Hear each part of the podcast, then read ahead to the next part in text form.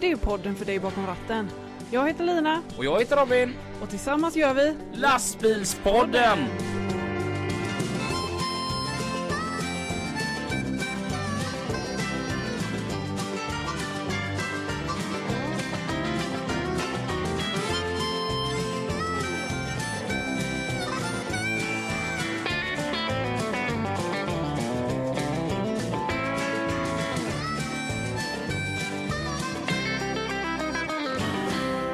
Alltså Assar Gabrielsson han hade varit så stolt. Va? Vem då? Jo men alltså det är inte mitt ibland blåställ och dieselånger så står vi här och spelar in veckans avsnitt utav Lastbilspodden. Tillsammans med Lina. Och Robin.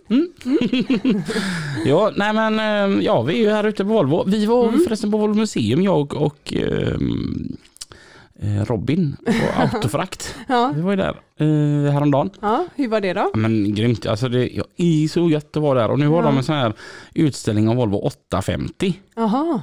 Det, det var ju, Men använder du eh, farfars bilarskortet när jag för fick att komma inte in? lov till det. Nej, Varför då? för det gällde bara för barn. Åh. Och jag bara, hörru du, jag är min mammas barn. Mm. Det gick. ja. Eh, nej men alltså, jag tycker det är gött att gå på museum. Det är roligt. Mm. Mm. Det vet jag att du gillar. Mm. Jag gillar ju gamla grejer. Ja. Jag menar, Nostalgi. ja, men museiföremål. Första modellen Volvo FH och Lina. Ja.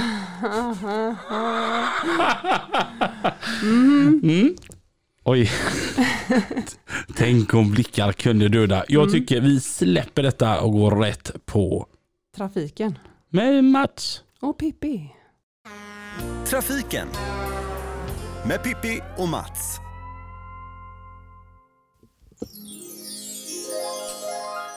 I trafiken med Mats och Pippi. Ja, vi känner ju att det är stundar ju andra advent här nu så att vi är ju så julpyntiga. Och Mats, vad fint det är att komma upp till Larv igen alltså. Och idag, här står fina stakar och det luktar gott. Lillemor har bakat pepparkakor som vi ska få lov att äta sen också. Jajamän. Hon är ju grym din fru alltså. Ja, det är hon. Ja. Hon gör vad hon kan för att det ska bli hemtrevligt. Ja, men det är ju så mysigt. Och den doften som ni har uppe. Och jag menar, nu har jag kommit verkligen ut på landet, Mats. Ja, jag älskar ju... Det är nästan så att man... Jag såg lite skyltar där på vägen också, att det var lite hus till salu. Det kostar ingenting att bo här, va? Ja, lite grann kostar det, men det är helt klart mycket billigare än i Göteborg. det är klart så är det ju. fantastisk miljö. Och Ja. inte så långt ifrån också. Och vi Nej. måste börja med att tacka också Stefan från HML. Mm. Har skänkt eh, fikapengar idag. Och då har vi gjort så att vi har lagt en slant till, till eh, Lillemor som har gjort de här pepparkakorna. Och när det stundar Lu, Lu, Lu, eh, Lucia sen, då kanske vi kan få lussekatter. Ja, vem vet. Vi får avvakta och se. Ja, Ja, ja, vi ska tacka Lina och Robin också och vi ska nu ta oss in på det här med bilar och parkering, Mats. ja, det är ett ständigt återkommande problem.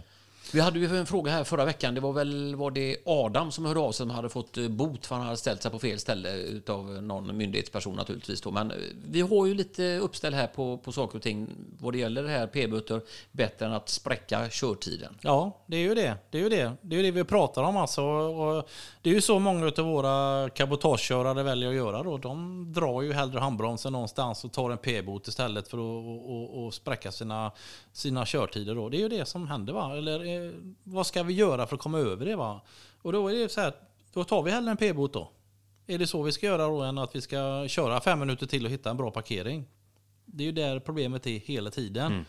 Och det är ju så att, och då får vi glida över till nästa puck. För Mats, jag får bara, så här, Ja. jag får bara fråga det som lite lekman då. Eh, Man ser ju då, jag ser ju hur mycket lastbilschaufförer och alltihopa i området, i i mitt jobb eh, som trafikreporter Mix Megapol. Eh, Och så tänker jag det här också. Är det så knivskarpt? Du kan inte köra en minut över utan då ligger det kvar i din logg, eller hur är det? Ja, den är ju digital så att Ja. eh, de kan ju bötfälla dig långt tillbaka om de vill. De stoppar ju in där inga loggen i sin dator och trafikpolisen, den tunga gruppen som det kallas för och så kollar de upp hur du har skött dig där och stämmer det inte då så kan de ju eh, alltså bak, bak, bötade bakåt då. Ja, ja. Och återigen så hamnar vi på sånt ställe, vilken annan eh, företag eller eh, affärsverksamhet skulle tillåta någonting sånt här? Att du blir bötfälld för något som du gjorde förra Ja, veckan. ja. Liksom. Det är inte klokt alltså. Nej, men nej. det är den verkligheten våra trafik, våra lastbilschaufförer lever i. Ja, så ni är grymma. Och även busschaufförer vet jag också som eh, har den här problematiken. De har ju också sina färdskrivare och får liksom inte köra hur som helst. Jo, men oftast har de ju en rutt inlagd med sina passagerare där de kör in på rastplats för att de passagerarna ska då eh, äta lunch eller eh, fika. Ja, men jag menar att och då de- får de- en naturlig rast. Ja, men de har ju också sina loggtider. Ja, eh, en Ja. Körgrej. Men de har nog enklare och, och de har mera utstuderade rutter än vad en lastbilschaufför Ja, har. Ja,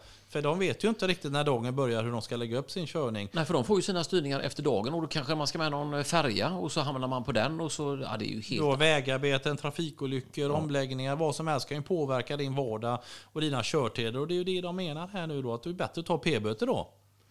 Än att spräcka du, körtiden. ja. Ja. precis. För Och det är billigare. Ja, men det är ju så.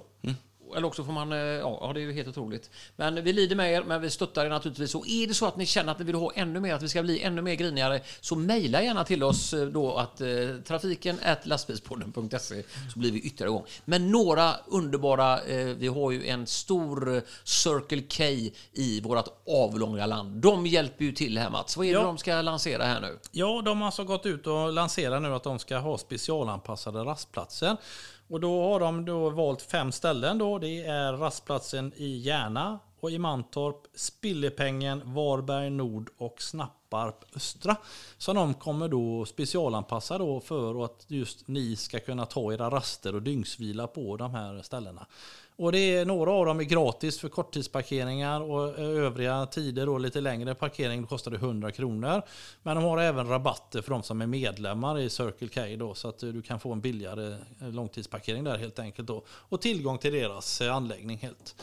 Och det är väl jättebra att Circle K tar sitt samhällsansvar här och erbjuder er då som lastbilschaufför att ni kan få stanna där och, och, och både på korttid och långtid då, och ta er välbehövda rast. För det behöver ni. Ni måste ju stå någonstans och vila. Ja, men det har jag sett också Mats. Jag tror vädermotet, där har man en jättefin Circle K-station också som, eh, där det är väldigt lättillkomligt och du har vet att de har duschar och sånt där också för, eh, för killarna och tjejerna. Jo, men oftast så brister det på att det finns inte plats för alla. För lastbilarna är ju 24-25 meter långa och breda och tunga. Och, men eh, de, just de här platserna som, som de Circle K nu pekar ut, de ska liksom ha plats för ännu mera lastbilar. Då, att du ska verkligen kunna stå där utan att tänka dig för att du, oj, undrar om jag får plats här. Det finns plats. Ja, och där har man ju också bra, det är ju bra placerat ut i vårt avlånga land också tycker jag. Ja, man kan ju hoppas att det här spiller av sig till andra bensinstationer som också eh, vill känna att de vill bidra lite till våra näringsverksamhet. Varför inte?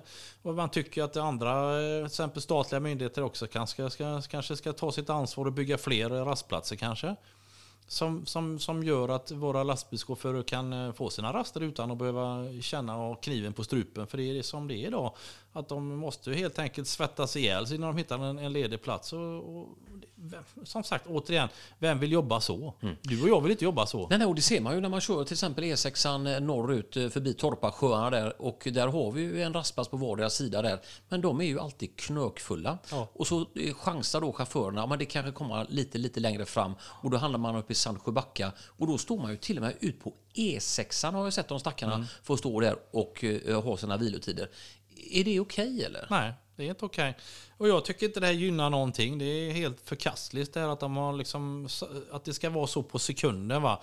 Men det är det som Robin har sagt ibland. Ni kan ju skriva en lapp. Det vet jag att ni det kan ju det här. Ni kan skriva en lapp då. Uh, var tvungen att köra vidare för det fanns ingen rastplats. Men hur många lappar tror du myndigheten eh, accepterar till Ja, slut? Du precis. kommer ju få en bot till slut. Och när de ifrågasätter varför har du inte parkerat någonstans? Ja, men det det är som- fullt överallt. Ja, Ja, men så är det. det är det. Men det var ju som Adam skrev till oss här sist när han fått en bot. Han hade ställt sig på en, på en avfart som ändå liksom var okej. Ja. Ändå ska de dit och, och pilla i det. Så att ibland, ja, myndigheten, där får vi nog tänka till lite grann och vara lite mer ödmjuka mot våra underbara lastbilschaufförer. För det har vi sagt förut. Det är de som kör fram våran dräck, våran mat, om du behöver torka dig röva. Eller, de har ju allting med sig. De är Va? våran ryggrad. Ja, precis. Pippi. Det är de som ser till så att vi får våra grejer. Så att därför måste man ju tänka till. Och det tänker jag även på er bilister också som är så helt dinga i huvudet som kastar er framför eh, hur många ton man nu har på sin 24-metare och ska in däremellan. Det ser vi ju varje dag. Ja, helt. De skyver en, en liten personbil framför sig och ur, kliver ut en vettskrämd människa och undrar vad fan det var som hände. Jo, du körde framför en långtradare. Ja. No good. Jag vet Anders, ifrån, jag tror han kommer från Nyköping, han är underbar, han eh, Eh, har jag lite kontakt med. Han har sådana goda kommentarer så att det är helt underbart. Att, och det är ju ungefär som jag fick en, en morgon här, en en lyssnare som ringde in till mig och berättade så här. Du Pippi, du måste berömma alla chaufförer ute i, i staden. Vad menar du? Du vet, de har räddat så mycket liv idag. Det är ju cyklister, de cyklar på övergångsställe, de cyklar på rött och de får tvärnita. Och det var ju som jag nämnde förra veckan här med den här mannen eh, som gick med, ute med hunden, helt svartklädd alltså. Så att ni resenärer och bilister och allihopa, ni räddar ju många liv alltså. Så att, eh, ja. Ja, men det, det, det man kan säga är det är att just när det blir så där mörkt som det blir nu på hösten så har vi det emot oss. Och sen är det fuktiga vägbanor. Och sen alla dessa löv som faller ner. De blir ju snorhala. Så tänk på det när ni kör ut framför vem som helst. Att eh, en långtradare kanske får ännu längre stoppsträcka och spårvagnar och allt som går spårbundet. Allt vad som ens rör sig på vägarna idag. Var det, blir ju var det dialekt här Mats? Eller? Ja. Spörbunne? eller vad? Spårbundet. Vi, vi skickar en textremsa när Mats eh, freakar ut med sin dialekt. Ja, men jag tänker för att det, det blir mer problematik på hösten då, eh, och att det blir halare och sen kommer vintern på det också. Så tänk er för vem, vad, hur ni kör era fordon idag. Alltså det, det är bara ett ögonblick så har ni krockat. Ja. Det ser vi varje dag. Och det är bättre, och som vi säger, den här engelska klyschan, men den är ändå god. Take your time you need. Och det är ju lite grann som ligger bra. Många ska ut och resa nu, men det ska vi ta upp lite längre fram här i lastbilspodden med Pippi och Mats. Men nu ska vi slicka i oss en god fika här ifrån Stefan på HML. Tacka för det och fortsätt gärna höra av er om ni vill skänka en liten slant, för vi behöver spänna ut skinnet ytterligare, både jag och Mats. Ja, det är vinter nu så man behöver liksom lägga på sig lite. I det då. Ja. Ja. Lina och Robin, nu får ni försöka rädda upp det här och så hörs vi igen om en liten stund. Ja, bra. Hej på Hej, hej. er!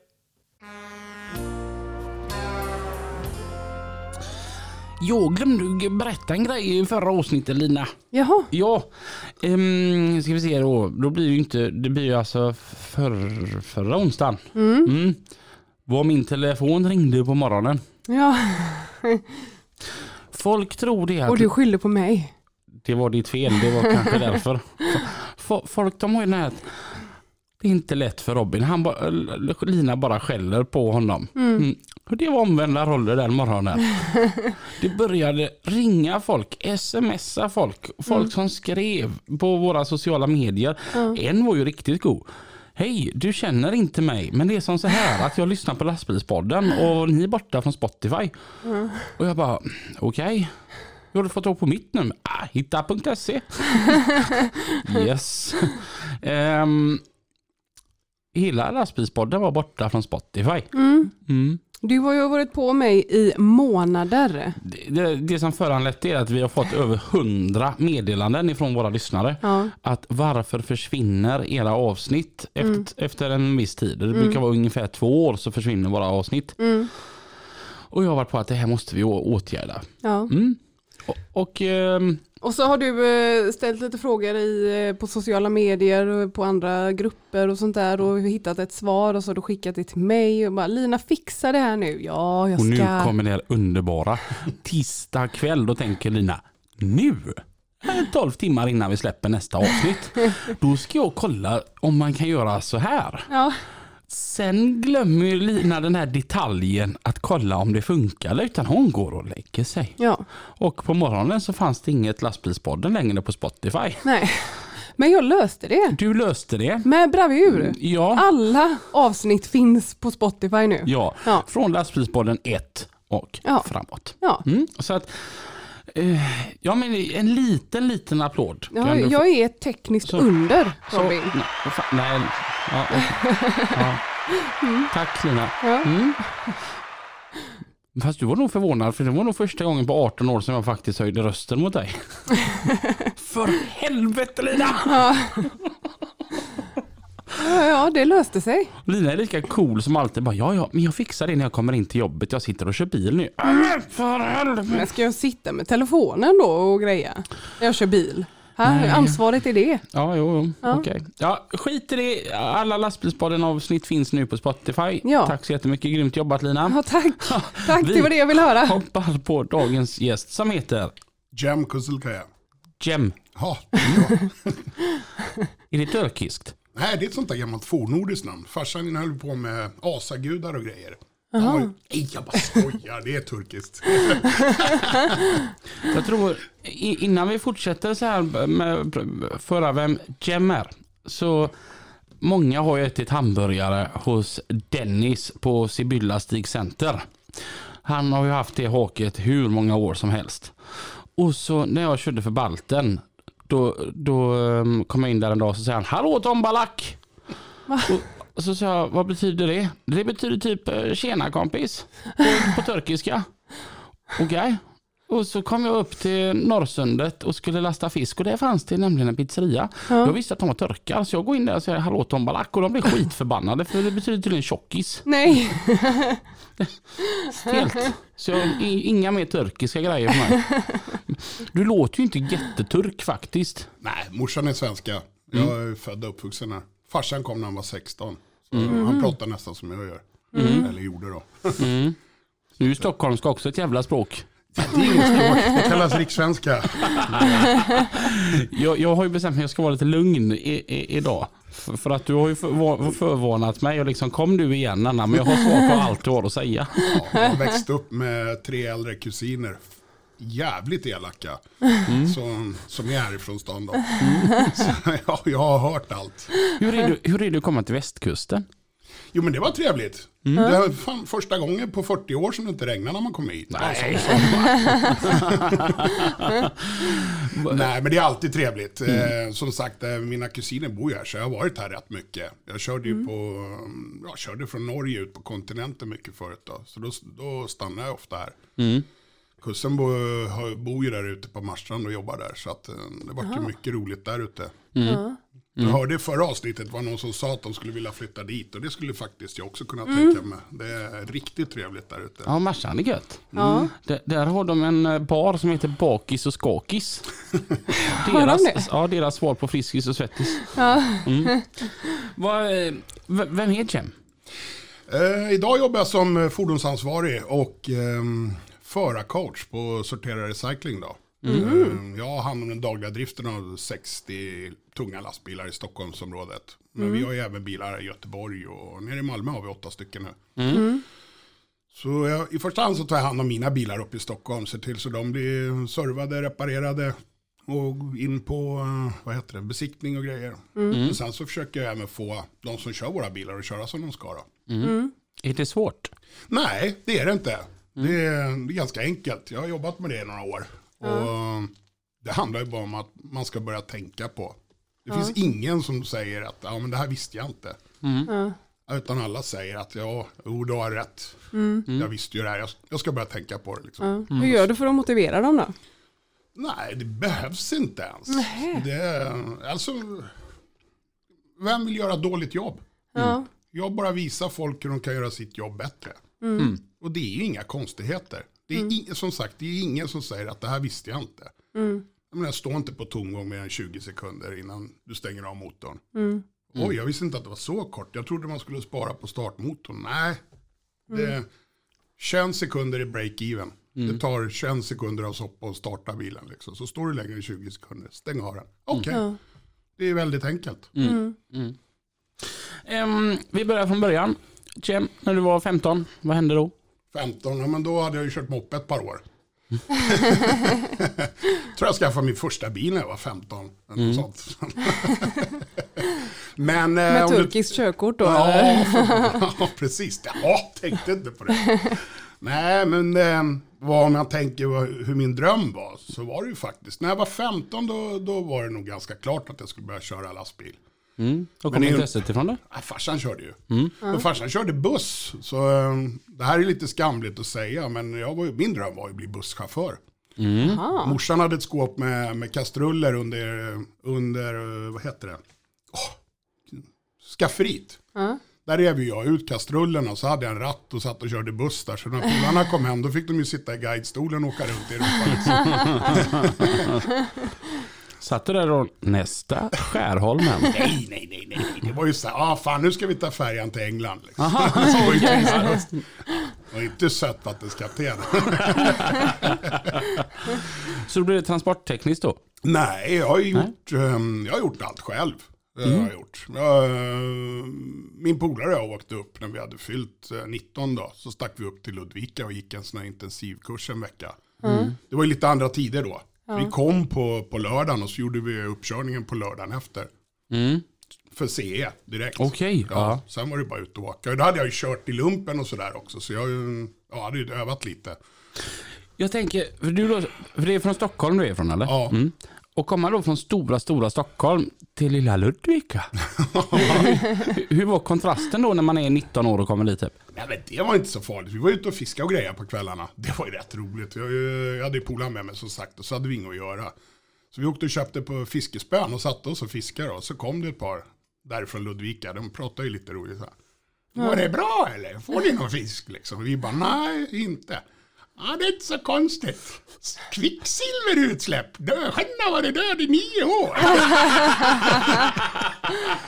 och vi var ju tvungna att hålla masken så vi bara, vi vet, vi bara testar grejerna. Vi ska bara se att det funkar.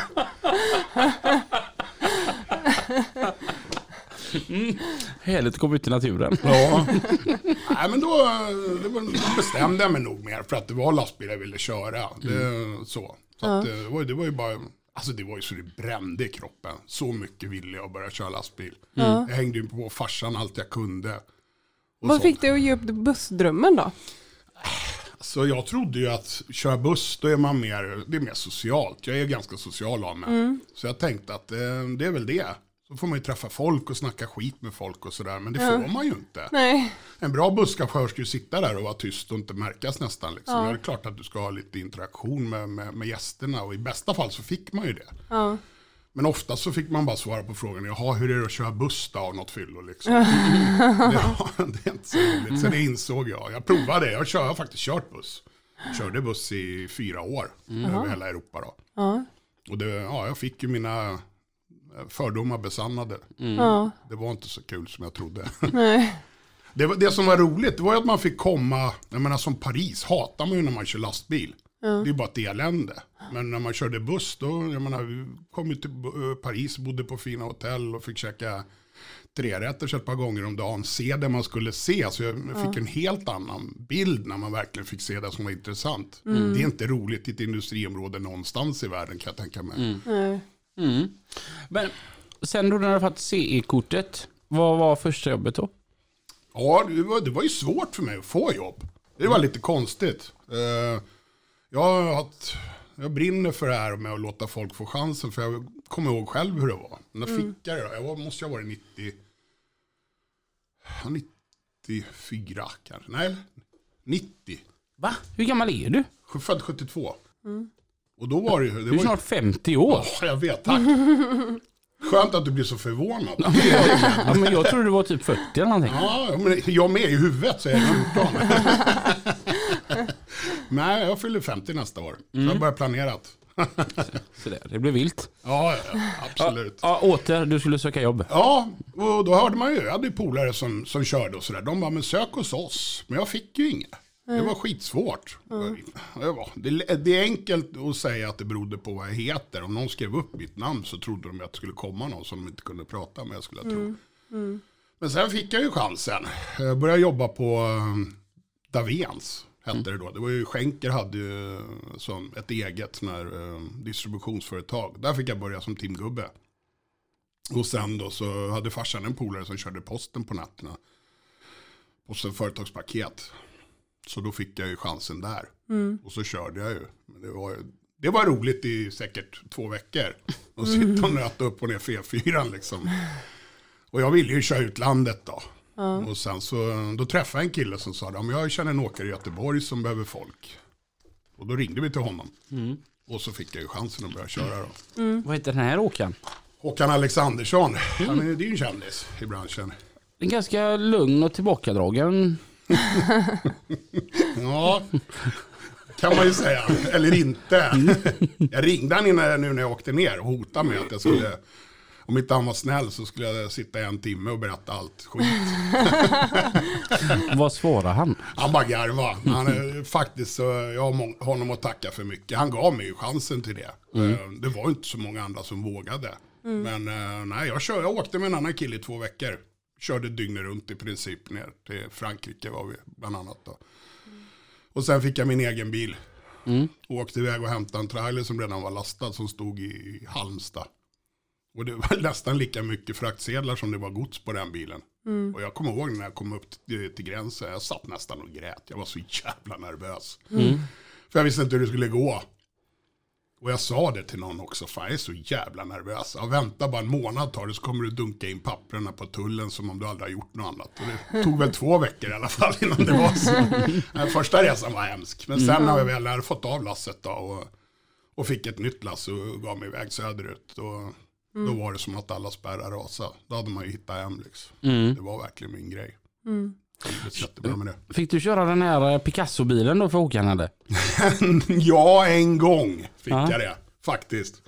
Och när jag sa att jag skulle sluta så, så erbjöd han mig den. Men inte innan.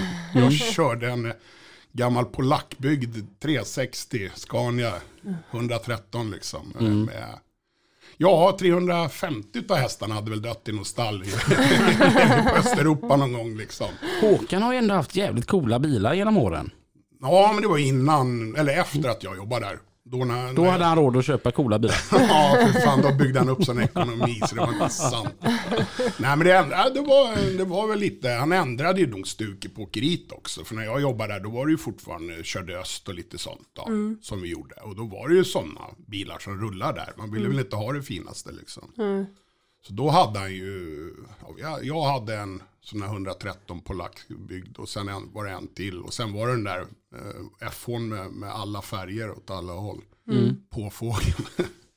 och den var ju sliten då, den var ju gammal. Det var ju den första F1, det var ju inte ens plant golv i den. Var det. Men sen så hände det faktiskt grejer. Så man skulle ha jobbat några år senare om man hade velat köra finare bilar. och sen hade han ju skitfina bilar. Och jag har jobbat åt Håkan lite. Hoppat in och kört extra. Så jag körde den där nosbilen. Bland Där annat. den där sista Scanian. Ja, den har jag kört. Fast det var ju bara någon vända. Någon gång liksom sådär. Den var riktigt, riktigt tjusig den. Ja, det var den. Den var skithäftig. Den hade man ju kunnat flytta in i och aldrig flytta ur igen. Ja, precis. Bott i. Jag gillar Håkan. Han är, jag tänker, ärlig.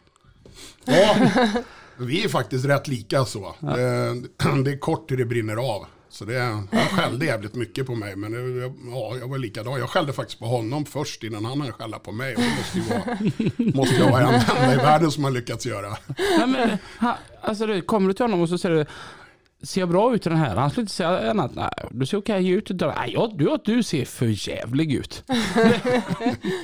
jag gillar honom. Ja. Han är en god gubbe det.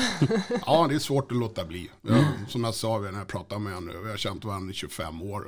Jag, jag jobbade åt honom något år bara, men ändå så har man hållit kontakten och snackat och, och sånt. Och, ja, det har ju varit någon gång när jag kunnat hjälpa honom och hoppat in och kört. Han hade ju en lådbil, kommer kommer du ihåg det? Den var jag upp till Norrland med och lasta. Vi hade ju, fan var det, åh, jag kommer inte ihåg, men det var ju bara någon sån där, vi råkade prata med varandra. Och så sa han det, kan du köra? Ja, för fan, klart jag kan köra. Så jag tog bilen från Stockholm och åkte ner och hjälpte honom då. Då var han ju så schysst, han kom till Örebro och bytte av mig på vägen hem sen. Liksom, Så att jag skulle kun- kunna komma hem tidigare.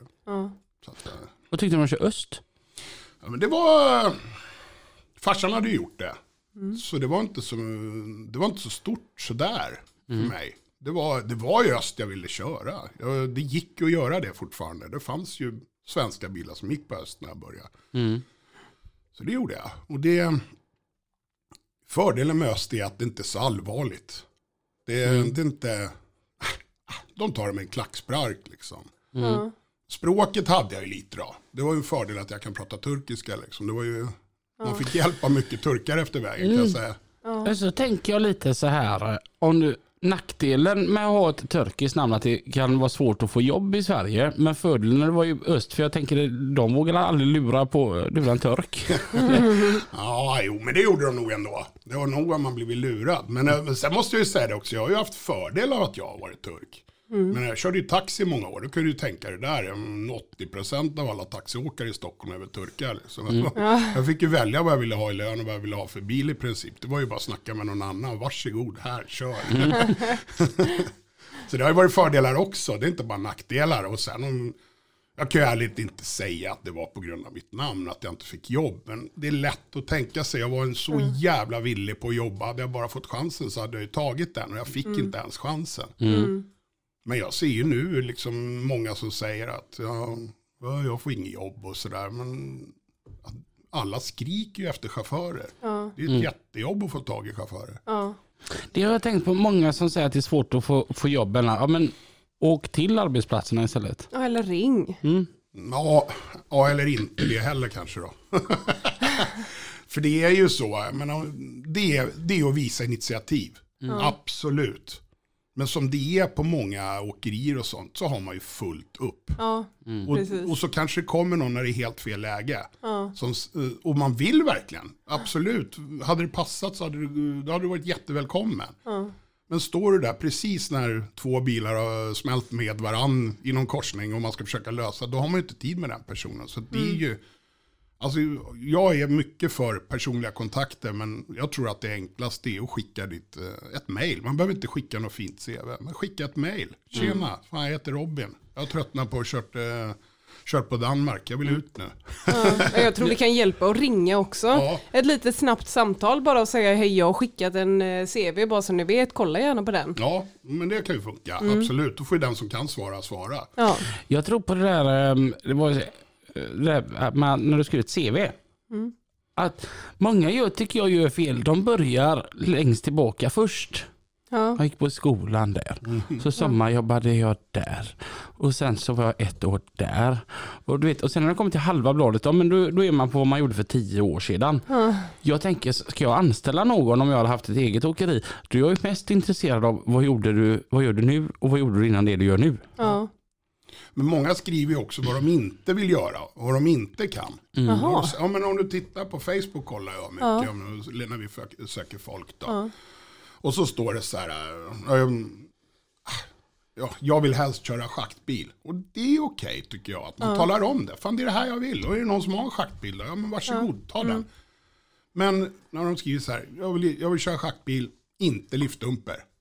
Och så kanske man ringer om man har ett schaktjobb och så säger man så, vad är det här med liftdumper då? Nej men jag körde en vecka och det gick inget bra. Nej nej.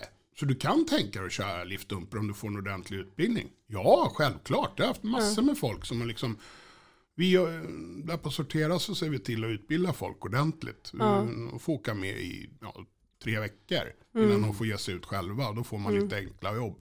Det där, det funkar ju. Då får, de, får man åka med någon i lugn och ro. Åker du med någon i två dagar som ofta är fallet så då kan du ge dig fan på att det är de finaste dagarna på hela året. Precis. Åker man i tre veckor då hinner man ju få lite problem också. Ja.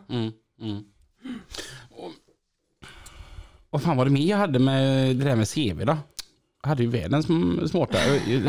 Jo, apropå Facebook. Det var ju en som sökte jobb sådär jävla gött. Jag vill ha ett jobb som går ut på att köra lastbil. Jag vill inte lasta och lossa. Nog var det jag som hade skrivit den. Nej. Det är ju- det är ju så det ska jävla vara. going. Ja, Då tänkte man att ja, men du är nog jävligt attraktiv. ja. ja men vadå, hade man velat lasta och lossa hade man börjat jobba på lager. Ja, Eller det var- hur? Är man chaufför så ska man ju köra lastbil. Han skrev ju även det att jag är ingen lagerarbetare, jag är lastbilschaufför. Den hade jag kunnat eh, kopiera rakt av. Ska jag börja köra hem, då är det den jag ska ha. Jag hade ju en jättefin körning där jag lastade och lossade två gånger i månaden. Va? Det var det bästa jag har gjort. Vad gjorde du då? Jag körde ju körde åt Stjernströms var en bil som gick för då. Mm. Och körde sån här militärmateriel ner till Bosnien och Kosovo. Oj. Ja. Så ja, det kanske är en sanning. Ja, när vi bara körde Kosovo, då var det ju två gånger i månaden. Men ibland så fick man åka till Bosnien också då. Då, då var det ju, kunde det bli fyra gånger i månaden. Så när jag, jag fick ju bilen av min åkare, han lastade upp den åt mig i Uppsala. Och så tog jag bilen i, i Skärholmen. Och så eh, åkte jag en vända, tog tio dagar ner till Kosovo och tillbaka då. Och sen så ställde jag bilen, så åkte han upp och lossade och lastade den åt mig sen. Hur är det att köra Kosovo? Ja men det är ju hemlandet. Faktiskt min familj är ju från eh, Kosovo. Eh, det, det bodde ju massa turkar där. Så det var ju roligt. Och det är ju samma där. Alltså de, det var ju inte så svårt för mig att åka där. Det var det inte, det var kul. man känner igen maten, man känner igen folket. Eh, Ja, jag, prat, eh, jag kan lite jugoslaviska och sådär också, så jag, det gick att prata med folk liksom. Så det var jag trivdes otroligt bra med det. Och de är rätt roliga. Det har ju efter ett tag så sa ju tullarna, ja, hello Mr. Kuzelkaja, för att man aldrig pröjsar några några mutor och så. Då känner de ju igen en. It's you that not gonna pay. Ja, det stämmer. Det är jag. Nej, det var skitkul. Det, det hade jag kunnat hålla på med hur länge som helst tror jag. Undrar hur det är i Kosovo idag? Jag har inte varit där på, oj oj oj. oj det är 15 år sedan tror jag. Mm. Ja. Ja, så att det är ett tag sedan. Det har varit fräckt att åka dit. ja, ska vi göra det? Men jag är sådär... Jag har ändå varit på en jävla massa länder på Europa. Men jag tyckte det var kul typ när jag, jag var i Slovakien. Och i Litauen, ja, men det tyckte jag var lite roligt för det är inte det alla andra är. Jag är ju så här ständigt på att jag påminner Lundin om att får vi en resa till Murmansk så är den min. Ske, sker den på min ledigvecka så ska jag ha den i alla fall. Ja. Mm. Men sån är jag, men jag har aldrig tackat nej till att åka någonstans. Eh, Min morsa var ju rätt orolig då när jag körde Kosovo. Eller det var när jag körde hos Håkan så ringde hon och så sa hon, kan du inte höra av dig ibland? Ja, men varför det liksom? det är dyrt att prata i telefon. Ja men, ja, men du åker på så konstiga länder. Kan inte någon annan åka sa hon. Men vem skulle det vara? Om inte jag vill eller kan, då måste ju någon annan åka. Och den personen har också en mamma. Ja, precis. Så vi kom överens om varje torsdag klockan ett så ringde hon mig. Så fick jag svara och tala om vad jag var och att jag mådde bra. Då var hon nöjd. Sen ringde jag henne en gång och eh, det var inte en torsdag.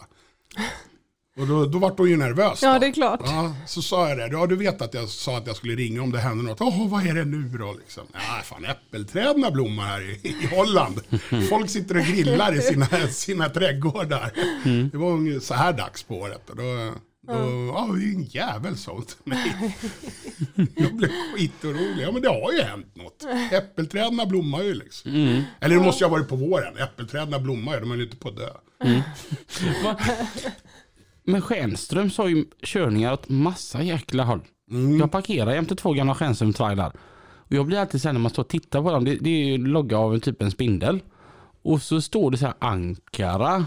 Och så står det något annat. Och så står det någonting som också ligger långt åt helskotta bort. Jag ser den varje dag. Jag ser den framför mig. Men just nu så är det bara helt borta. Men Ankara, Aten, Moskva. så jag. Ja, Moskva står det. Ja. Mm. Ja. gör det. Hur, hur många av de här destinationerna har du varit på? Nej, jag har inte varit, var ju mitt mål. Och så står det ju Europa, Asien, Afrika står det också. Så mitt mål var ju att åka till, till alltihopa. Men det, det hann jag aldrig. Mm. Men, men det var ju sådär, jag kunde ju sitta på Stjärnström så kom Lennart och så sa han det. Du fan, Armenien. Ja visst så. jag. Ja, ja, du som är turk. Du, det är bara för dig att åka dit. Ja, det är nog lite tvärtom. De är liksom arvsfienden sen så långt tillbaka det går. Du kan inte ens åka in över gränsen från Turkiet till Armenien. Men jag kan åka, det är inga problem. Men Har du varit i Armenien? Nej, Nej. det blev aldrig något. Nej. Och så kom han någon gång och så sa han Iran. Ja, ja jag sa jag kan åka då. Men då var det en annan som fick åka. Han körde borriggar till Teheran tror jag det var. Pratade- Tänk vad coolt att åka till Teheran med lastbil. Jag blir så här lyrisk. Ja. Tänk att få göra en sån grej. Ja. Alltså det... Görmånga har varit liksom i Barcelona, men hur många har varit i Teheran? Då, det är inte så allvarligt. Du tar höger i Ankara, sen är du där. Okej, jag har inte ens varit i Ankara. Nej, men det, de grejerna när man gjorde det, som att köra där på Kosovo, det, det var, när man gjorde det så kändes det inte så speciellt. Men jag, och det fanns ju, man, det, man, det är tur, man glömmer det som är tråkigt. Man fastnade, det var något papper som det stod fel siffra eller bokstav på, så fastnade man ett dygn bara för det. Liksom, att det satt någon surtullare där och som helst ville ha lite pengar så skulle man få åka. Jag vägrar ju. Vi hade kommit överens om det, att vi inte skulle pröjsa någon mutor när vi körde där, för att det inte skulle bli så. Då. Och då fick man ju sitta, och det var ju inte så roligt. Men eh, ja, det är ju det roliga man kommer ihåg. Och jag är glad att jag har gjort det, jag är jätteglad. Men jag skulle inte göra det idag igen. Skulle inte göra. Men det var, var som, varje dag så saknar jag Europa. Men så var jag med Robin i Belgien och du vet det första som hände när man kommer till Tyskland, bara stau. Det var, just ja, det var ju detta ja. Nu vet vi inte om vi står här liksom i 30 minuter eller tre timmar. Ja, eller tre dagar. Ja, men det är ju som jag körde i Italien. Och det, idag så, ja, alltid när våren kommer, så börjar jag ju längta igen. Liksom. Ja. Det vore kul att få köra i Italien. Och sen så, så börjar man tänka efter, men det var nog inte så jävla roligt att sitta på den där terminalen i Milano till två på natten och sen skulle man köra genom hela Europa hem för man skulle stå och lossa på måndag morgon. Ja. Så häftigt var det ju inte. Det var roligt när jag började. Då var vi ju många svenskar och norrmän som körde i Italien. Det kunde vara 10-15 bilar som åkte hem på lördagen från Italien ihop. Och, Ja. Ja, åkte man till vissa ställen så visste man att det satt antingen en norrman eller en svensk där. Så man kunde få käka middag ihop med någon och så. Det var Vad var det för något ni körde? allt. Eh, ja, från Norge så var det mycket papper och virke och sånt. Det är ju det som vi exporterar. Ja, okej. Ja. Jag tänkte det var så här fina modekläder när man åker till Milano liksom. Ja, men det var det hem. Då var det jättefina. Det Vi körde åt eh, Dressman. Körde vi. Det, det, mycket av de grejerna görs i Italien. Så det var ju Dressman-grejer. Ja, ja, ja. Benetton så körde vi, men det var ju skidstavar eller sådana här gåstavar. Ja, Körde vi mycket. ja inga Gucci och Nej, nej. Versace. Versace. Tänk att kunna prata italienska. Ja, det är coolt. Det hade jag velat Det är göra. ett väldigt vackert språk faktiskt. Ja, man kan ju bara sitta och lyssna. Ja, eller No. titta. Ja, Det inga är ju problem. kroppsspråk. Ja. Ja, jag älskar hur de pratar med hela kroppen. Ja, Det, det är så fantastiskt. och hur de låter både arga och glada samtidigt liksom. Mm. Man vet inte när de pratar ifall de skäller på varandra eller om de är exalterade. Men det är som norrman. Försök, försök höra en arg norrman. Ja, Det går ju inte. Alla låter ju superglada. ja, Det, Men det är ju det. ja. De är ju sådana också. ja. Jag vet, jag ringde, jag hade ju en norsk chef, vi körde ju åt ett norskt åkeri. Och så ringde jag honom och så sa jag det att du, eh, jag har problem. Haha, dere har problemer, icke jag.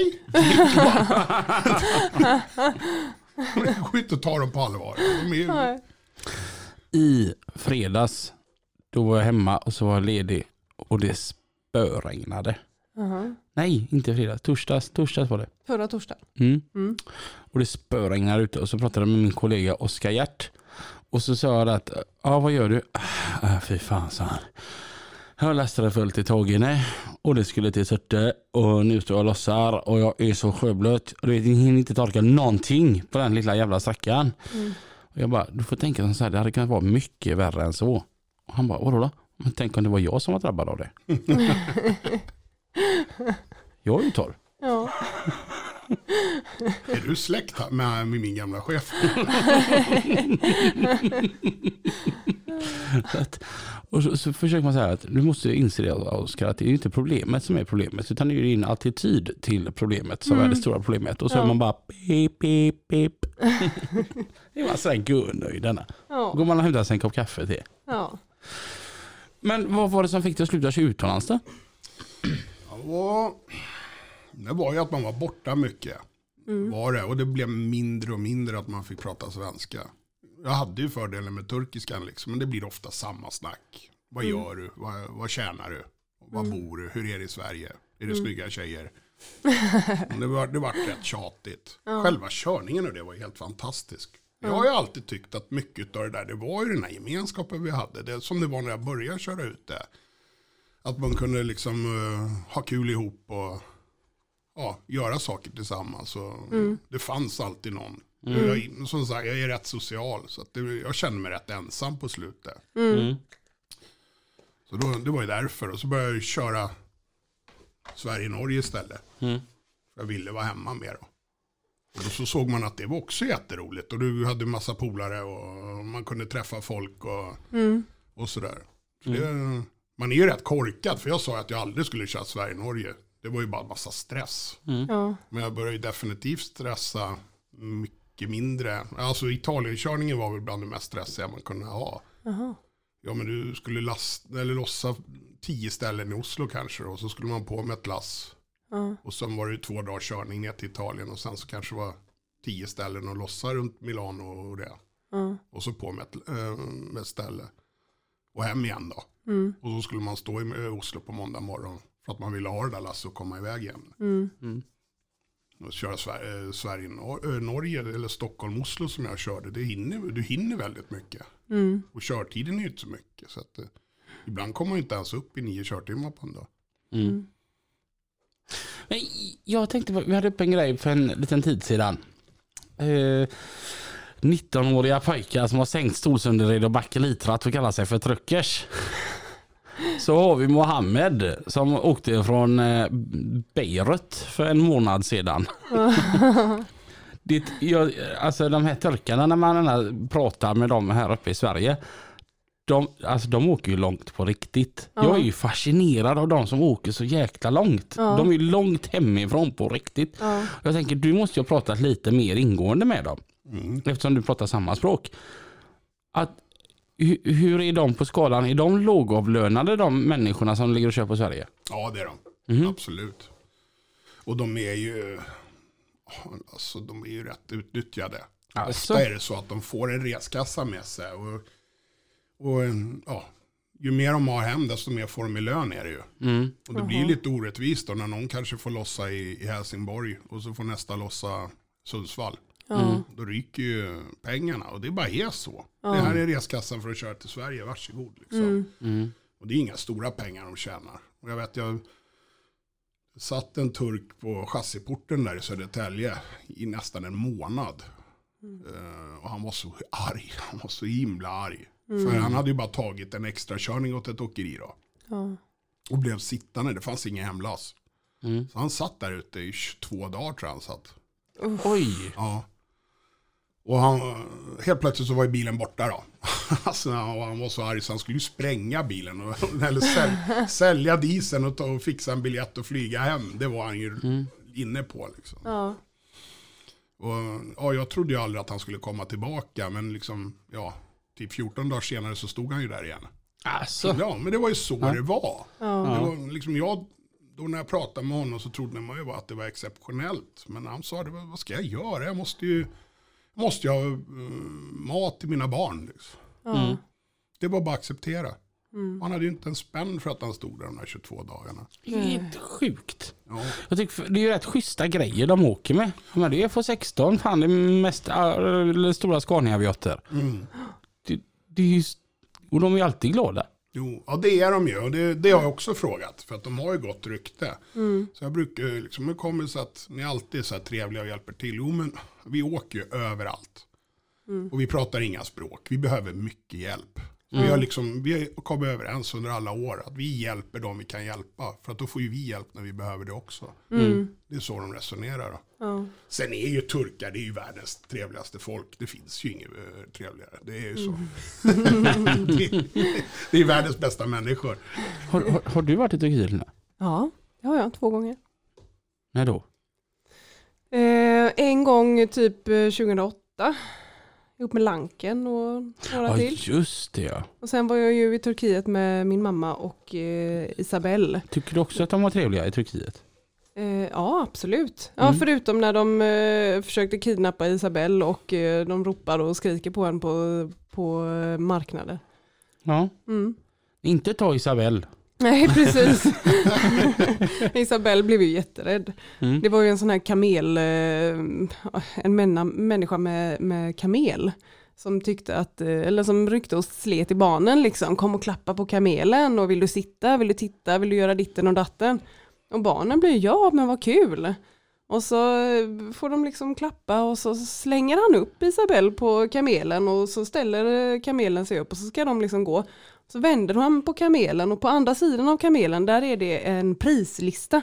Vad kostar det att titta på kamelen? Vad kostar det att känna på kamelen? Vad kostar det att rida på kamelen? Där, där, där. Och så börjar han så här med fingrarna, liksom, han vill ha pengar. Och då börjar jag ju skrika och Isabelle blir jätterädd för hon sitter ju på kamelen, alltså två meter högt upp.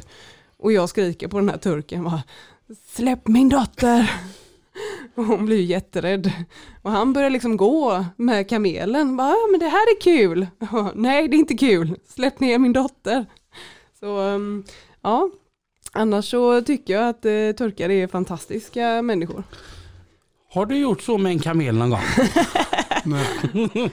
Nej men det, det där är ett problem och jag vet att på turkisk tv och så, så skickar de ut, som, det är som anslagstavlan eller någonting. Där de informerar det, att ni förstör, turisterna kommer inte om, om ni håller på och rycker och gapar och skriker. Jag tror till och med att det har blivit så att det är förbjudet idag. Ja, okej. Ja. Bara för att det har ju varit ett jätteproblem. De har ju varit jätteaggressiva så och försökt dra in folk i Ja. butiker och sånt där. Ja. Det förstör ju. Jag, menar, jag känner jättemånga svenskar som har sådana historier som du har.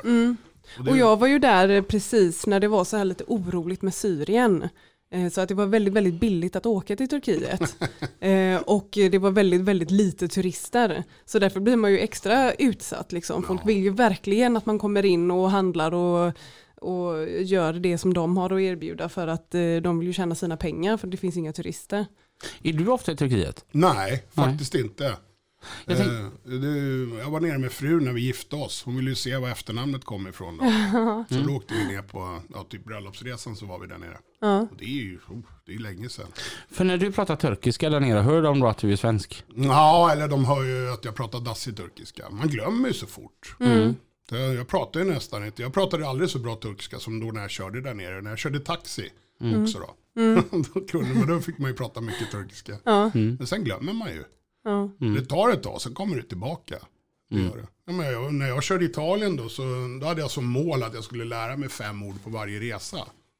Jag pratade, försökte lära mig italienska, så den, den var ju, alltså jag kunde ju ta mig fram och beställa mat på restaurangerna och så. Men idag så vet jag inte om jag hade vågat prata italienska. Blir det så då när man pratar italienska att man automatiskt börjar gest- gestikulera? Ja, men det har ju turkblodet i mig också. Det, ju. det blir bara dubbelt då. Vi kör lite mer trafik. Trafiken med Pippi och Mats. Ja, tack för det Lina och Robin. Det är Mats och Pippi här och vi ska nu gå in i våran lilla frågestund. Det låter precis som att vi är på spåret eller någonting, men det är på vägen naturligtvis, eh, både jag och Mats. Vi har fått in en fråga från Erik som undrar så här. Hej Mats och Pippi, jag har en fråga angående E6an. För ett tag sedan åkte jag på E6an södergående i höjd med Falkenberg, så var det ett stort vägarbete. När jag åkte förbi såg jag att de höll på att knacka upp vägen med hydraulhammare, för den var i betong. Varför la man vägen i betong? Känns extremt omständigt att behöva knacka upp det med hydraulhammare när det nu behövs bytas beläggning. Går ju mycket snabbare att fräsa upp asfalt om de nu hade lagt den från början, Erik. Ja, väldigt bra fråga. Det är inte så konstigt att eh, vissa delar av vårt vägnät och speciellt motorvägarna har ju då belagts med betong. Eh, det är en mer beständig eh, del av vägen att bygga så att säga istället för asfalt. Då. Den håller längre. Så därför använder man betong då. Så att det tar längre tid att lägga ut betongen, det tar längre tid att ta bort den när man behöver göra om det då. Men den håller i tid mycket längre än vad asfalt gör. Så på, på, på lång tid så är det ungefär samma kostnad kan man säga genom att riva av asfalt, lägga på ny asfalt och hålla på så här. Va? Den kanske håller mycket längre än vad asfalten gör. Så på så sätt så är den mycket bättre att lägga. Men det är klart det tar längre tid att lägga den. Och det är klart den frustrationen som uppstår med Erik, att han får stå och vänta där på de här vägarbetena. Men det är som vi brukar säga, Erik, det kommer bli bra. Ja, men de behöver kanske inte göra någonting på 15-20 år sedan heller va? Nej. Så att eh, du behöver inte stå där någon mer. Nej. Att, Nej, det var inte så vi menade Erik, men vi fattar ju att du blir, blir frustrerad på detta naturligtvis. Nej, men det är bra med frågor. Det är klart att man inte frågar får man inga svar heller. Nej. Men, men vi, det finns ju en anledning till att de inte har använt betong överallt. Det är ju en väldigt omständigt sätt att göra en beläggning på. Så att, men den är mycket mer hållbar. Men den kostar säkert mycket mer. Jag tror det är enklare och snabbare att lägga ut betal, eller, eh, eh asfalt, såklart det är. Men eh, Men vi gillar ju betong i vårt område med tanke på hur Faunabron här för något eh, år sedan man byggde den. Och då fick man ju, hade man inte satt upp eh, ordentligt med stämp så då sjönk ju den. Så då var man ju tvungen att bila ner den också. Men vi, det skapar ju jobb de här goda grejerna Erik. Vi får ju ändå tänka på det. ja, och speciellt nu med det här att vi har ju kanske kommer på sikt få brist på betong i och med att vi inte kan vara självförsörjande på det. Nej, det är också Med på Men det är ju händer i- myndigheten. Är det väl Miljöpartiet som sätter stopp för det också naturligtvis? Ja, det är ju miljöbalkar och EU och alltihopa där. Och det är ju det här med, med vattenlagar och grejer. Vi kan ju inte komma undan det tyvärr. Men Nej. det är tråkigt. Men det kommer bli ett problem på slutet, på sikt med det. Så ja, blir det. Ja, jag hoppas du är nöjd Erik med de eh, lite svamliga svaren där, men vi älskar att ni hör av er till och på eh, trafiken lastbilspodden.se. Nu ska vi fira andra advent här på söndag Mats. Har du något eh, sådär extra mysigt? Nej, det rullar på som vanligt. Det blir lite pepparkakor kanske. Ja, det är bra. Ja, Lina och Robin, ta iväg detta nu och så hörs vi om en vecka här. Det är Mats och Pippi från Lastbilspodden i trafiken. Ha det bra! Hej då! Firar man advent i Turkiet? Nej, det tror jag inte. Jul har jag sett att de firar. Mm. Alla affärer vill väl sälja grejer, även om man det är ett muslimskt land. Ja, ja.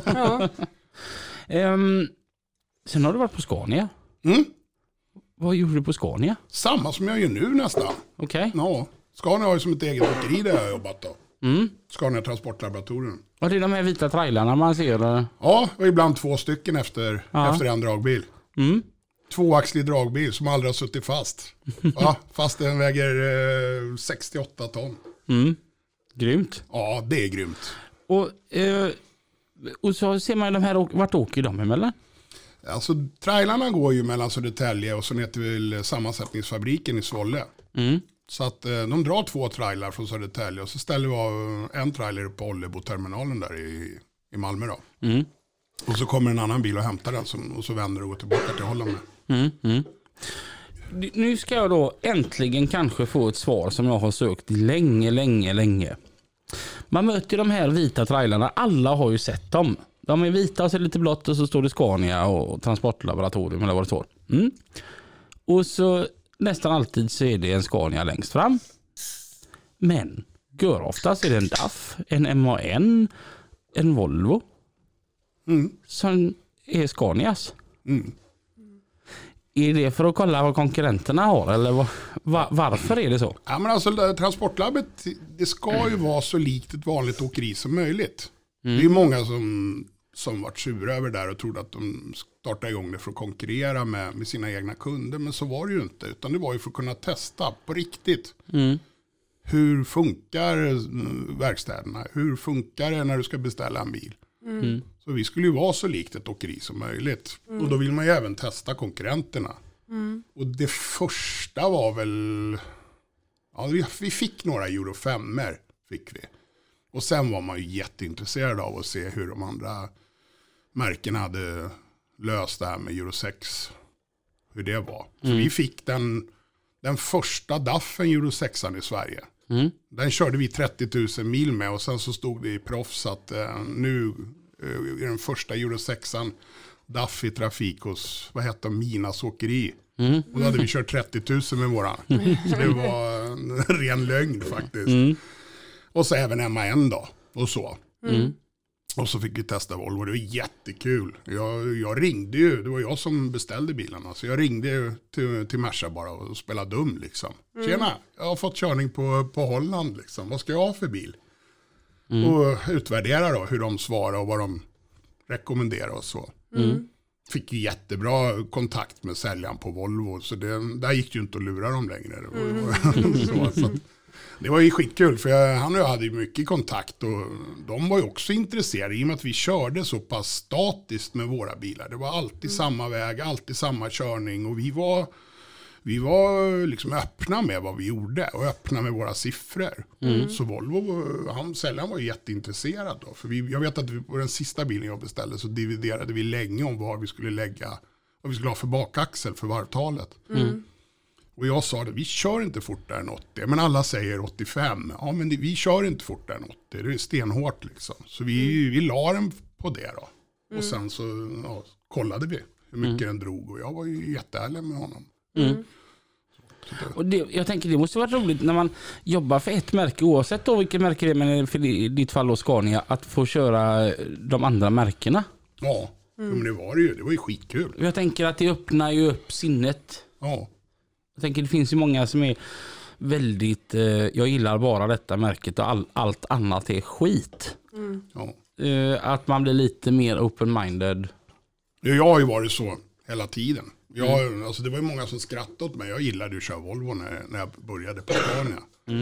Jag var ganska, så, så, här, mm, ganska inskränkt på Volvo. Ja, men det var ju när jag började köra, då hade Scania 113 en.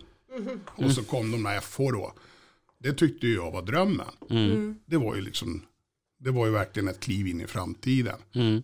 Och sen kom fyrserien och den tyckte jag inte var så mycket med. Liksom. Så det var, tyckte, det var ju därför jag tyckte att Volvo var bäst. Så alla sa ju det, vad ska du göra på Scania? Du gillar ju Volvo. Mm. Jo men nu ska jag ju lära dem att bygga världens bästa bil. det tog sju år, nu har de en av världens bästa bilar. Liksom. Det är helt tack vare mig. ja, ödmjukhet är en dygd. Måste vara ärlig, det är så rak, rak och ärlig. ja, men ändå rätt häftigt att vara med på på den resan där och, med, och, men alltså att vara med på en helt ny modell. Ja, mm. jo, men det var det ju verkligen. Vi, jag började då precis, då var det mycket Euro 6 vi jobbade med och testa Euro 6. Vi fick de första Euro 6-erna. Så vi hade, de där bilarna rullat tusen mil i veckan. Mm. Där. Mm. Så de, de åtta bilarna vi fick av 80 så de delade ut till testkunder så körde vi 80% av milen. De Oj. andra 72 bilarna körde 20% liksom. Mm. För vi rullar så mycket då. Mm. Mm. Så det var ju det som var det viktiga, att kunna göra riktiga utvärderingar och se hur det funkar i verkligheten. Och mm. då, då hittade vi ju hål i, i det. Liksom att vi mm. kom till en verkstad och så sa de att vi har ingen utbildning på Euro 6. Det går inte att få. Mm. Va? Mm. Nej, ja, men då var vi tvungna att lösa det. Och det var ingen verkstäder som ville utbilda en mekaniker på, på Euro 6-motorer för då visste de ju att när han hade fått det då kommer ju någon annan och tar över honom.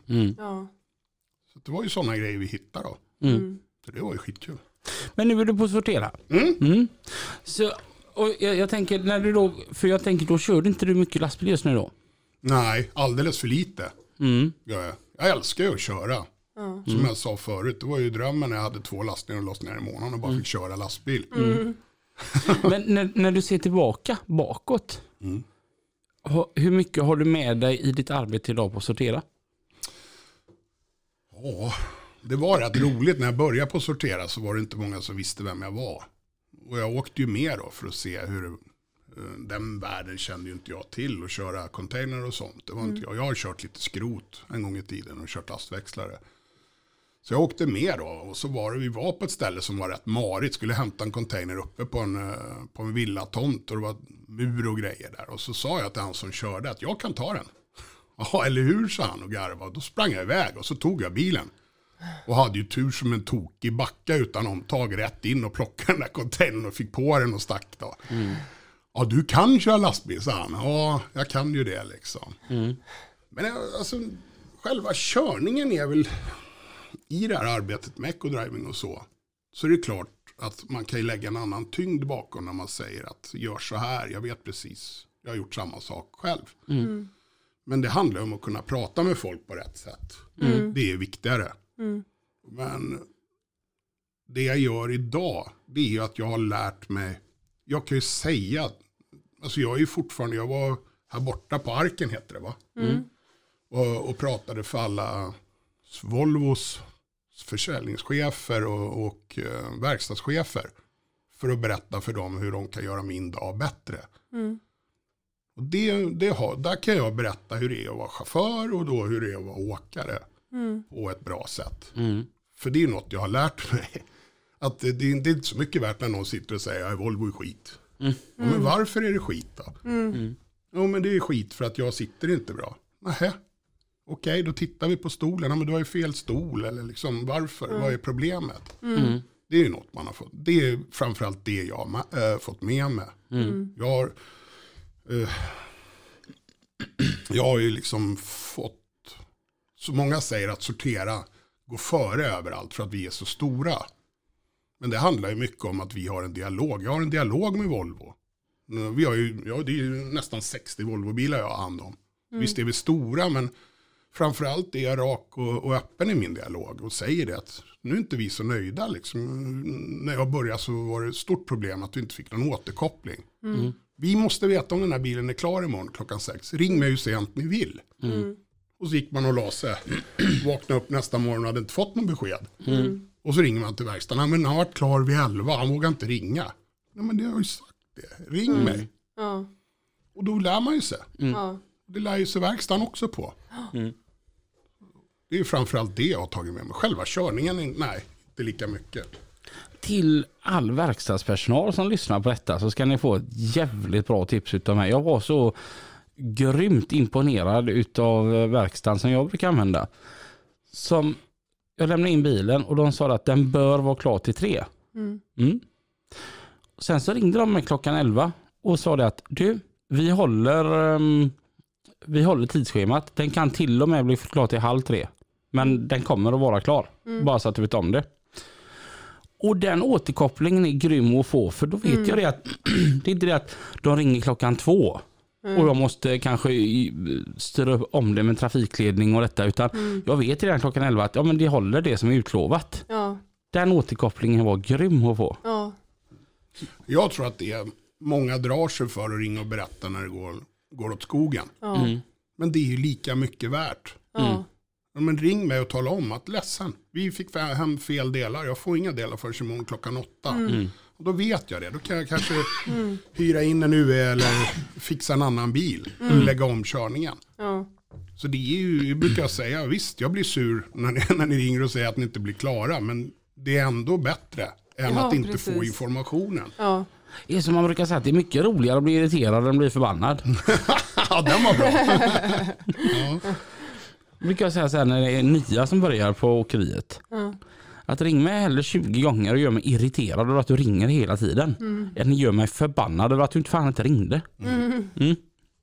Ganska enkelt. ja. Men så är det ju. Vad är det roligaste med ditt jobb?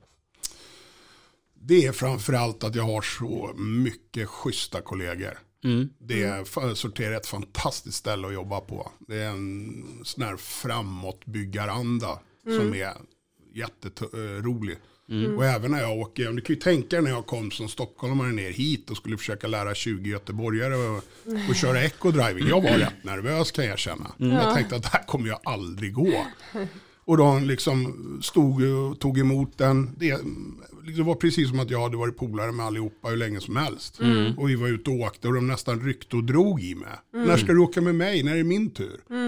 För att det är en sån anda. Det Sortera är grymma på det här med att få folk och, och verkligen. Det, det är ett företag som har växt. Men det är fortfarande en sån här familjekänsla. Det är det roligaste med mitt jobb. Det växer nästan så det knakar sortera? Ja, det gör det. När jag började 2017, då omsatte vi 240 miljoner. Och idag så omsätter det över, jag tror det är 1,4 miljarder. Oj. Ja. Det var sortera-aktier du skulle köpa. ja, det var det. Jag önskar att jag hade några också. Nej, men det är framförallt det. Absolut, att folk är så engagerade. Det blir roligt att jobba då. Sen att jag får, ja, jag får åka på sån här, eh, åka och titta på nya bilar. Där de gör eh, liksom, där Volvo ska då försöka få oss att köpa nytt. Det är, det är, det är också jättekul. Och att jag får jobba det, med det jag håller på, eh, tycker är roligt. Det här ecodriving ligger mig väldigt varmt om hjärtat. Jag tycker det är skitkul. Men just as we speak, alltså, i, det, det som låter nu, det går ju rätt in i hörlurarna på min mammas hör, hör, hörlurar när hon är ute och går med sin hund som heter Billy. Och så går hon där uppe i Grästorp nu och så tänker hon, vad gör sortera då? Sortera återvinner byggavfall. Ni har säkert eh, svurit åt våra gröna säckar som ligger på trottoaren någonstans. Mm, det är en sjukdom. Nu när ni har sett min bil så kommer ni se sortera burkar överallt. Det står tre precis här utanför. Jag såg dem. Det, det är det vi gör. Vi återvinner byggavfall. Ta hand om, om byggavfall åt våra kunder och återvinner det. Så vi återvinner 99,4 procent av det vi samlar in. Vad blir det då? Ja, det blir ju allt möjligt. Stål går ju till Stena Metall, så de gör det de, de gör. Vi kör allt trä som går att återvinna. Vi sorterar ju det då och, och förädlar det. Så man sorterar ut metall och sånt från träet. Och träet går ju mycket till förbränning och gör värme. Så allt som går att återvinna, det återvinner vi. Grymt. Ja, det är skithäftigt. Det är framtidens melodi. Eh, Ett litet tips, jag såg att dumt att hamna i tidningarna är helt i onödan. Så här, bara, jag såg det var något annat företag, de, de dumpade massa grejer liksom på stora planer och detta, de hamnade i fängelse. Har de inte gjort det än? Nej, alltså okej. Ja, Det men det där har ju gett ringa på vattnet som är positivt för Okej. oss. Jag menar, vi, De körde på att de var billiga. Ja. Och de har ju visat att det inte går. Ja. Det gör ju att många har ju förstått det. Att ska vi ha schysst och kva- kvalitet. Det är ungefär som att köpa en Volvo. Du köper en Volvo för att det är bra kvalitet. Köper du något annat så går det sönder. Man har inte råd att åka billigt. Du har inte råd att beställa billiga so- bortforsling av billiga sopor heller. Liksom. Nej. Så vi har ju fått jättemycket kunder efter det. För, Okej. att de, för att de ser att här är någon som är seriös. Vi, vi har inte råd att göra samma misstag igen. Ingen missar ju bilarna heller. Det är en ganska, det är en färgklick i novembermörkret. Ja, och inget tingeltangel. Det är väl helt underbart. Får inte ha eh, namnskyltar eller eh, sådana bordellgardiner. Och poppis är också förbjudna. Det är helt underbart. Det. Alla kör med skorna på.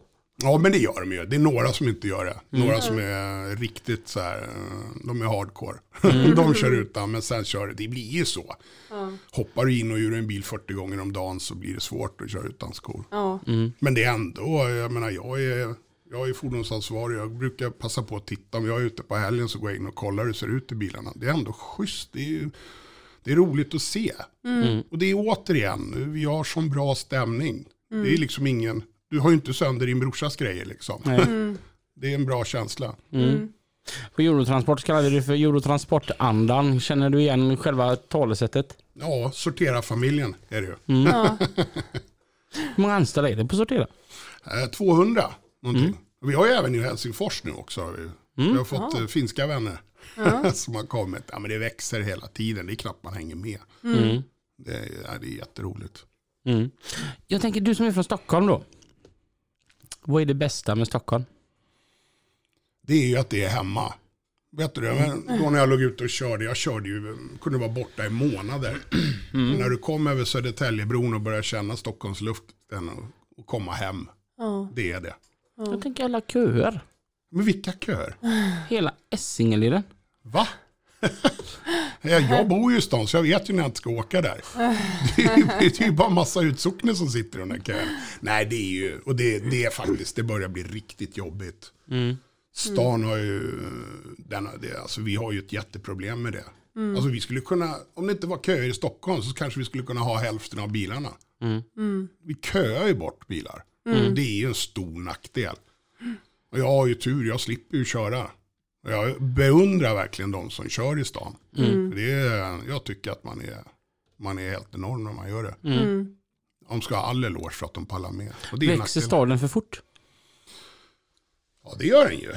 Och, det, och vi har ju begränsningarna av att det är broar man ska över överallt. Så de, alla måste ju ta sig till broarna. De trängselskatterna ni har är inte att leka med det. Nej. Den liksom dyrast i Göteborg kostar 22 spänn. Mm. Är det 45 i den där eller? Jag, vet, jag har tjänstebil, jag bryr mig inte så mycket. jo men det är 45. Det är det. Oj, just. Men det, gör, ja, jag hade, det hade kunnat vara det dubbla om det gjorde nytta. Man införde trängselskatterna för att det inte skulle vara några köer. Eller hur? Att det skulle bli mindre. Men idag är det bara en kassako. Ja. Jag tänker att det skulle vara lite så som det är eh, som är med Spaniens infrastruktursystem. Att om du vill köra på motorvägen, då kostar det pengar. Men du kan köra en alternativ väg som är gratis. Men den är liten, den är trång och den tar längre tid. Så skulle det fasiken vara med genomfarterna genom både Stockholm och Göteborg också tycker jag. Att antingen kan du åka där det är gratis och då är det kö från Tingstadstunneln ner till Mölndal. Eller så kostar det pengar men då är det inga köer. Men så var det ju från början. Då, var det ju bara, då kostade det bara att åka igenom stan. Det var ju gratis att åka Essingeleden. Mm, mm. Men då, ja, och man får ju tro vad man vill, men då tappar de ju pengar. Och så blev det ju trängselskatt där också. Ja. Stackarna på Lidingö blev ju helt vansinniga när de fick en betalstation ut hit. De är ju rika. Ja, det, det är så underbart att det var de som hö- hördes allra mest i hela Stockholm. Ja. De skrek ju så det hördes ända ner till Göteborg. Jag älskar ju göteborgare.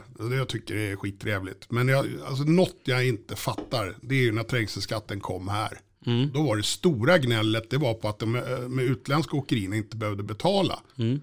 Och sen när de fick betala, då var det fine. Istället för att man protesterar mot. Ja, men gör något åt det så att ni inte behöver införa trängselskatten. Men huvudsaken var bara att alla skulle ha det lika dåligt. Eh, Den här staden styrs av socialdemokrater och det k- kanske lyser igenom lite starkare stundtals. Ja, men det värsta Alla tycker jag är att det var ändå var en folkomröstning. Eh, ifall vi skulle ha trängselskatt eller inte. Och eh, röstningen sa ju nej. Klart och tydligt nej. Och ändå blev det trängselskatt. Återigen då så styrs Göteborg av socialdemokrater. Men du, det styrs väl av dem man har röstat på va? Så det betyder att det är rätt många som röstar rött här. Ja, Ja, det är så. jag tycker det är fint att alla får välja. Ja, Vi, vi bor i ett fantastiskt land. Du får älska precis vem du vill. Du får tro på precis vad du vill och du kan även vara med i facket om du vill. ja, vad, vad ska du göra här nere i Göteborg nu då Shem? Ja, nu, är det, nu ska vi dra igång eh, hårdsatsa på det här med ecodriving då. Det, har legat, det har varit lite dåligt med det under eh, coronan och det. Det var ju svårt att kunna vara ute och träffa folk och prata med dem. Så nu ska vi dra igång. Eh, Det blir en stor satsning på det. Eh, vi har varit lite tuffa, eller jag som är tuff. Jag tror att vi kommer kunna sänka bränsleförbrukningen med 10%. Men eh, ja, vi sätter målen lågt, det blir 5% bara. Och, och sen ska vi köra lite sådana skadeförebyggande ska jag prata om. Så då ska jag vara här i två dagar och träffa folk. Och stor del av mitt arbete är ju att jag ska vara kontakten med chaufförerna. I och med att man är gammal chaufför så, så kan man ju prata och, och vara polare med folk. Liksom. Vi är ett stort företag, vi vill inte missa den här närheten. Det är viktigt att ha kvar sortera-andan. Det tror jag måste ligga väl dig i fatet att du är gammal chaufför. Att de känner att ja, det inte är någon tjänsteman från Stockholm som kommer hit och ska tala om hur, utan att det faktiskt kommer en från verkligheten. Ja, ja men jag tror att det kan vara en fördel, absolut. Och när jag åker med så, så märker de ju hur, att man, ja, jag kör ju dessutom gärna också. Jag snor ju bilen av folk och åker och kör själv. Så jag är liksom inte för fin för att köra. Jag hade helst kört hela dagarna. Jag hade kunnat ha kört ecodrive medan jag, om, jag körde, om det gick att göra så hade jag gärna gjort det. ja. Alla stockholmare spyr över Göteborgstrafiken. Ja, jag vill, jag vill inte säga något. Men jag satt och tänkte på nu, jag åkte igenom det, vad heter avloppsröret där borta? Tingstadstunneln. ja. Och då går det som vanligt i 35-40. Ja men du tog ju fel väg hit. Det var ju en jättefin Marieholmstunnel. Ja, Men jag, och sen åkte jag Lundbytunneln. 65 kilometer hela vägen. Men det är 70 max. Ja, ja. ja. men ligger inte vänster fil då? och då är vi där igen. Då har vi det där med sossarna, är det det? Alla ska åka lika sakta. Det är en grej som måste ge Stockholm. De är bättre på att hålla sig ur vänsterfilen. Ja, marginellt. Ja, men, det ja, men, för det tycker jag polisen har ju ändå hårt satsat lite på att bötfälla de som gör det. Jag hatar dem. Alltså det är någonting som gör mig arg. Det är folk som ligger i vänsterfilen utan att de behöver det. Ja. Mm. Jag börjar bli så här arg som två gamla gubbar som håller trafiken i detta. ja. Vi har gått över timmen med råge denna gången. Det det var riktigt kul att ha dig här nere idag. Vad kul att få komma hit. Eh, men vi gör väl som så här att vi hörs igen Nästa vecka. och tills dess. Kör försiktigt. Ha det gött! Hej då! Hej!